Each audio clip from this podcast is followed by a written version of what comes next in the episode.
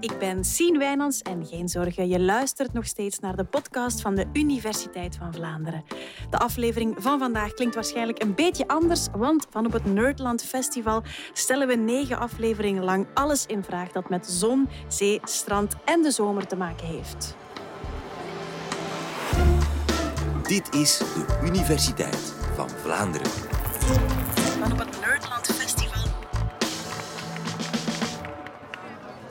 van die vragen is of je na het eten echt een uur moet wachten voor je mag gaan zwemmen. Misschien heeft je oma of je papa of je mama dat vroeger ook nog gezegd. Of maak je het je kinderen nu zelf wijs. Maar klopt die stelling en waar komt ze eigenlijk vandaan? Met Erik van Breda heb ik een sportfysioloog naast me hier in de studio. En dat maakt van hem, denk ik, de ideale wetenschapper om die vraag te beantwoorden. Dag Erik. Hallo Sien. Welkom, sportfysioloog. Wat doe jij juist? Ja, eh, waar wij in de wetenschap mee bezighouden is eh, hoe het menselijk lichaam reageert op sport en bewegen. Dat doen we uiteraard bij sporters, maar dat doen we ook eh, zeg maar bij patiënten om voor revalidatieprogramma's te maken. En we gebruiken de topsporter of de sporter eigenlijk zoals de Formule 1 voor de auto-industrie wordt gebruikt. Daar halen we de kennis uit en die passen we Ja. aan om patiënten zeg maar, beter te laten worden door bewegen. Ja, en jij hebt een t-shirt aan waarop staat Velo Toerist. Ja.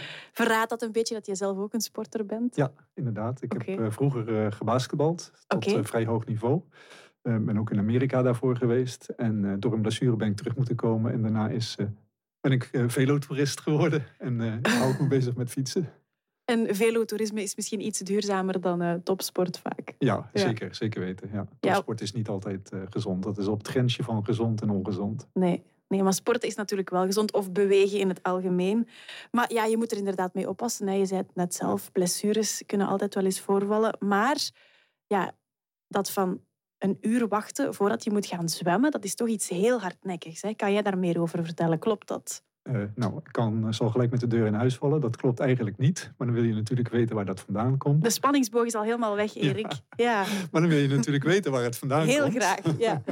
En eh, daarvoor moeten we terug in de tijd. In het begin van de 20e eeuw was er een Engelse militair, Baden-Powell. Mhm. En die had een opdracht gekregen om voor verkenners een, een, een soort opleiding te maken. Nou, die opleiding eh, die bestond uit eh, allerlei dingen. Eh, daar heeft hij allemaal allerlei notities voor, voor gemaakt. En op een gegeven moment aan het eind van die, zeg maar, zijn, zijn zoektocht naar een ideale opleiding... heeft hij een kamp met 21 jongens georganiseerd. Nou, Baden-Powell, daar gaat misschien dan een klein belletje rinkelen. En als het niet is, dan moet je het woord eh, verkenner maar vertalen vanuit het Nederlands naar het Engels. En dat zijn de ja, scouts. de scouts, denk ik Ja, onmiddellijk. Hè? Ja, inderdaad. ja, ja. Dus eh, dat was ook eh, die groep van 21 eh, gezonde jongens waarmee hij zeg maar, het kamp en zijn ideeën tracht te kijken of dat inderdaad werkte. Mhm. Dat is zeg maar de eerste scoutinggroep geweest. Nou, al die informatie die hij verzameld had, heeft hij later in een boek geschreven. En dat boek heb ik toevallig hier voor me liggen. ja. En op eh, bladzijde 197 staat letterlijk: Never bath in deep water very soon after a meal. It's very likely to cause cramp, which doubles you up and so you get drowned. Dus eigenlijk schrijft hij hier: je moet niet zo snel na een eh, maaltijd moet je het water ingaan, want eh, je zou mogelijk kramp kunnen krijgen. En ja, dan zou je kunnen verdrinken.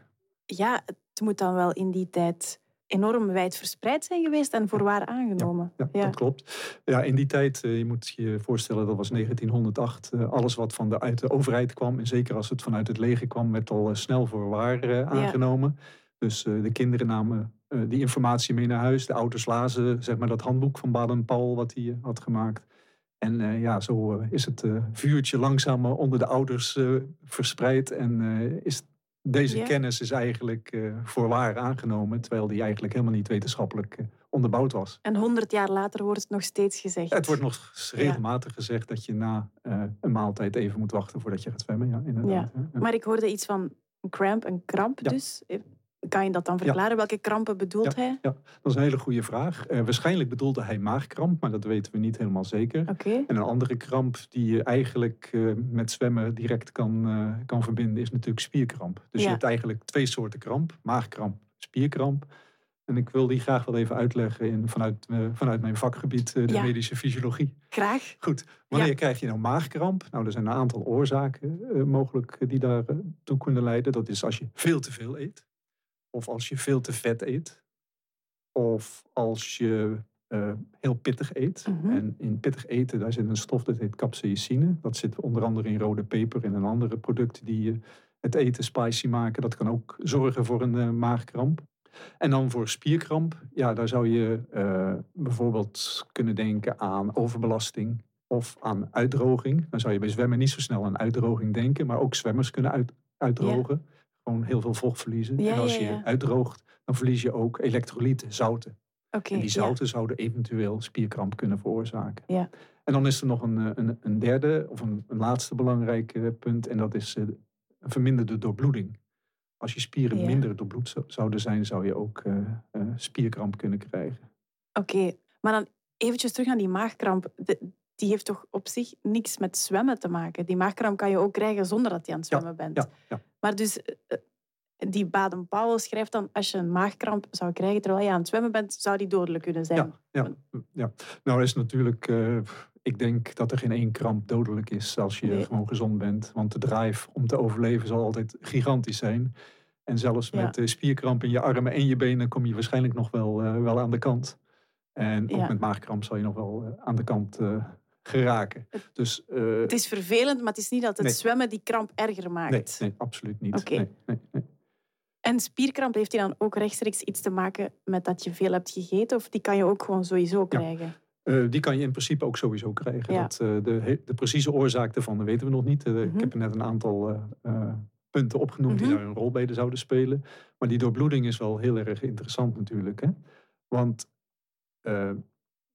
vroeger werd gedacht dat er meer bloed, als je een volle maag had, dat er bloed vanuit de spieren werd weggetrokken om de maag eh, zeg maar, eh, te, te laten doorbloeden als daar eten in zat. Ja, voor de Nou, spijsvertering ja, dan. Dat is eh, echter eh, helemaal achterhaald. En dat is eh, evolutionair ook helemaal niet handig. Want stel je voor, een miljoen jaar geleden, je zat in de, in de savanna en je had er net een eh, maaltijd eh, voorbereid, ineens kwam de leeuw eraan, dan moet je gaan rennen. Nou ja, als je moet gaan rennen, elk orgaan wat arbeid levert, moet meer bloed krijgen. Dus op het moment dat je moet gaan rennen en er zou meer bloed naar je maag gaan, omdat je eten nog niet verteerd is, ja, dan zou je zelf opgegeten worden. Ja. Dus dat is niet zo eh, heel, heel handig. Nee. Er zal meer bloed naar de spieren gaan. Ja. En dat, is, eh, dat zie je ook bij sport. Eh, we krijgen niet meer bloed erbij. Dus je kunt niet overal evenveel bloed naartoe laten gaan. Dus het bloed moet herverdeeld worden. Mhm. En een van die dingen tijdens bewegen is dat er meer bloed naar de spieren zou gaan, omdat die gewoon meer vragen. En onder spieren versta ik niet alleen maar skeletspieren die je doen bewegen, maar ook de hartspieren is een hele belangrijke spier. Die eh, ook veel meer bloed krijgt. Dat kan wel twintigvoudige zijn. Ja. Het enige orgaan wat altijd gelijk hoeveelheid bloed krijgt, is het eh, centraal zenuwstelsel met de hersenen daarin. Ja, ja, Dus die zullen altijd eh, evenveel bloed krijgen. Maar maag en darmen zullen steeds minder bloed krijgen Ja. bij inspanning. Oké. Maar dus, als ik het goed begrijp, is er eigenlijk niet echt duidelijkheid over welke kramp die dan bedoelde in zijn boek. Nee, nee, En over wat er dan juist gebeurd zou zijn. Nee. nee. dat, is, dat is niet echt duidelijk. Vermoedelijk eh, had, had hij het over maagkramp, omdat hij ook Ja. schreef... You doubled you up. Dus eigenlijk, je krimpt in elkaar. Nou ja, dat zal met spierkramp niet zo snel gebeuren, maar met maagkramp wel. Maar die overlevering, eh, dat is, eh, is niet bekend. En waar Nee. zijn verhaal vandaan komt, is eigenlijk ook niet, niet echt bekend. Nee, oké. Zitten we dan al aan de conclusie? Nou, je kan op- niet op- op zich- verdrinken. Door krampen waarschijnlijk niet. Nee, nee, nee. Natuurlijk moet je altijd in het midden houden, maar bij gezonde mensen die een maagkramp krijgen of die een spierkramp krijgen, zal je niet eh, zo snel eh, verdrinken. Absoluut niet. Nee. En kan je dan best wel wachten met zwemmen na het eten? Of maakt dat echt niks Nou, uit? er, er is nog een theorie en Ja? dat is zeg maar dat je een steen in je maag hebt liggen. De- het, blok, het gevoel van een blok in je maag hebt liggen. Nou, hoe Ja. komt dat? Als je gaat inspannen, dan zal er eigenlijk bloed naar je spieren toe gaan. En je maag zal dus minder doorbloed worden. En daarvoor zou je het spijsverteringskanaal even een klein beetje moeten kennen. Nou, hoe werkt het Mhm. spijsverteringskanaal? Eet een stuk hamburger, die kauw je in je mond. Ja, komt speeksel bij en die komt in de maag terecht.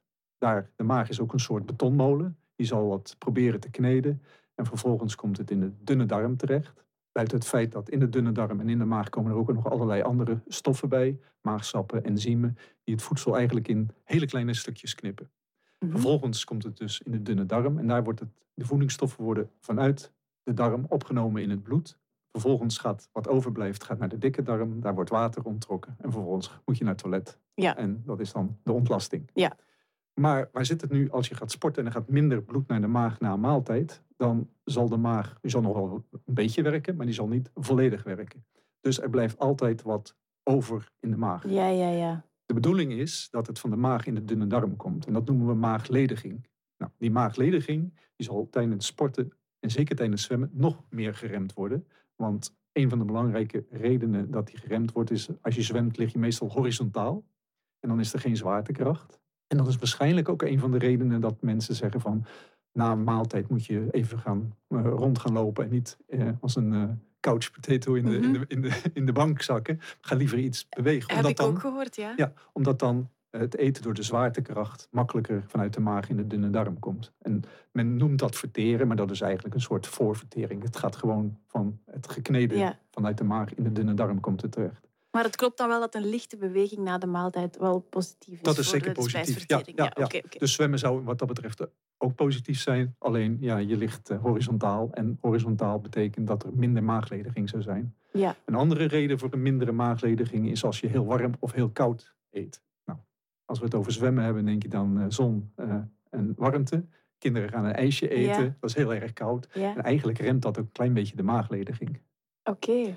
Dus die twee factoren zijn eigenlijk wel een, eh, spelen wel een rol bij dat het heel onprettig kan zijn als er een, gewoon een, een grote brok in je maag ligt en je gaat zwemmen. En als kinderen dan roepen van, ah, ik heb wat buikpijn. eh, dan zullen ouders heel gaan denken, oeh, dat is gevaarlijk, je kunt verdrinken. Eh, ga maar niet in het water. Dat is ook een van de redenen dat dat mogelijk eh, eh, Ja, ja, ja. Dat, het, het verhaal in stand dat de verkeerde dingen eigenlijk aan elkaar gelinkt worden. Ja, Ja. eigenlijk wel, ja. Maar wederom, die baksteen in de maag kan ja, heel vervelend zijn, maar niet dodelijk in het water. Nee, absoluut niet. Nee. Dus eigenlijk kan je zeggen, zowel spierkrampen als maagkrampen, als de steen in, in de, de blok in de maag, kunnen niet voor zorgen dat, zorgen dat je gaat drinken. Dus wat dat betreft is zwemmen veilig. Oké. Maar er is nog wel een derde theorie. Erik, oké. En die derde theorie gaat, je zou eventueel kunnen flauwvallen in het water. En dat heeft ook met eten te maken. Met name met de timing van het eten. Ja? Als je naar een maaltijd neemt, dan doe je dat om voedingsstoffen binnen te krijgen en vooral om brandstof binnen te krijgen. Nou, brandstof bestaat uit vetten en koolhydraten. Koolhydraten zijn eigenlijk de suikers. En die suikers die zijn ontzettend belangrijk voor het lichaam. Eigenlijk is dat de belangrijkste voedingsstof die we hebben. Want hersenen, centraal zenuwstelsel, die kunnen alleen maar suikers als brandstof gebruiken. Dus wat zal het lichaam doen? Die zal altijd die suikerspiegel, die bloedsuikerspiegel tussen bepaalde grenzen willen houden. Mhm. Na een maaltijd komt het, eh, zeg maar het voedselbrei komt in de maag terecht, komt daarna in de dunne darm terecht. En wat zie je dan? Is dat de bloedsuikerspiegel gaat stijgen. Nou, dat is eh, omdat die binnen nauwe grenzen gehandhaafd moet worden, zal het lichaam dat proberen naar beneden te krijgen. Daar is een hormoon voor, dat heet insuline. Nou, dat kennen we allemaal van mensen die suikerziekte hebben, die insuline moeten Ja. spuiten. En dat is omdat hun suikerspiegel te hoog wordt, bloedsuikerspiegel. En die moeten dan insuline spuiten, maar bij gewone gezonde mensen gebeurt dat op een Vanzelf. vanzelf. Ja, ja. ja, ja, ja. Ga je nu ook inspannen, ga je dus ook sporten, dan zal de spieren zullen een extra stimulans zijn om suikers uit het bloed te halen. En wat je dan gaat krijgen is, als je verkeerd timed en je gaat op het moment dat de insulinespiegel het hoogst is, dus dat het meeste suiker op normale manier uit het bloed wordt getrokken, je gaat ook nog inspannen, dat is een extra prikkel. En dan wordt er dus extra veel suiker uit het bloed gehaald. Mhm. En dat betekent dat de suikerspiegel niet gaat stijgen, maar gaat dalen onder de kritische grens. En dat heet een reactieve hypoglycemie. Dus eigenlijk een reactie van het lichaam op een, eh, op, op een te hoge suikerspiegel, waardoor die extra gaat dalen. En dat zorgt eigenlijk dat je een beetje flauw wordt. Nou, iedereen kent het waarschijnlijk wel eens een keer. Als je na een maaltijd te vlug iets gaat doen, dat je een klein beetje van, moe, een beetje, een beetje warm, een beetje duizelig. Ja, Nou, er zijn mensen die daar heel erg gevoelig voor zijn, die dat altijd hebben. En er zijn heel, heel veel mensen die het bijvoorbeeld krijgen na chocomel drinken. Dat is een hele specifieke trigger daarvoor. oké. En die voelen zich na één slokje, na een kwartier of na twintig minuten, voelen ze zich wat duizelig worden. Nou, je kunt je voorstellen als je flauw valt in het water, dat is wel een reden om, eh, zeg maar, eh, dood te gaan, om te verdrinken. ja, ja, ja. Maar dat zijn geen dingen die regelmatig gebeuren. nee, die gaan, gebeuren zeker niet regelmatig. Nee. En eh, ja, mocht je daar last van hebben, mocht je al weten van na een maaltijd voel ik me na een eh, half uurtje, uurtje wat flauw worden, ja, dan weet je dat. En dan moet je eigenlijk altijd zorgen dat je je maaltijd ruim van tevoren neemt. En bij sporters is dat wel belangrijk, want die gaan natuurlijk heel zwaar trainen. En uh, we gaan ervan uit dat we het hier niet over echt zware topsport hebben, maar over recreatief zwemmen. Nou, dan is dat absoluut geen probleem. Okay. Maar bij uh, wat competitief zwemmen zou je daar wel rekening mee moeten houden. En dan zou je zeggen van een laatste zware maaltijd, een uurtje of twee voordat je gaat, uh, gaat zwemmen. Dat ja. is altijd veilig. En als je gewoon recreatief zwemt, dan nou, wacht je. Daar, nee. Dan hoef je zelfs niet te wachten. Dan hoef je zelfs niet te wachten, tenzij je al aangeeft van ik heb er wel eens ja. last van. Ik voel me wel eens duizelig na een maaltijd. Ja, eigenlijk gewoon echt goed naar je lichaam luisteren. Dat is altijd het allerbelangrijkste Daar wat komt er is. het op neer. Ja. Maar dus je kan niet verdrinken in het water als je meteen gaat zwemmen na het eten. Nee, absoluut niet. Super Die duidelijk. mogen we de wereld uithalen. Ja, jij hebt trouwens uh, een bureau gedeeld, of jij deelt een bureau met iemand die ook al eens te horen was in, uh, in deze podcast. In aflevering 198 vertelde Ulrike van Dalen hoe je zo gespierd kan worden als Arnold Schwarzenegger. Dus Erik, als jij die aflevering zelf ook nog niet hebt gehoord, kan je die herbeluisteren via de Universiteit van Vlaanderen. En uh, ook de zomerreeks die loopt nog eventjes door. Erik, dank je wel om hier te zijn. Graag gedaan. Salut. Okay, salut.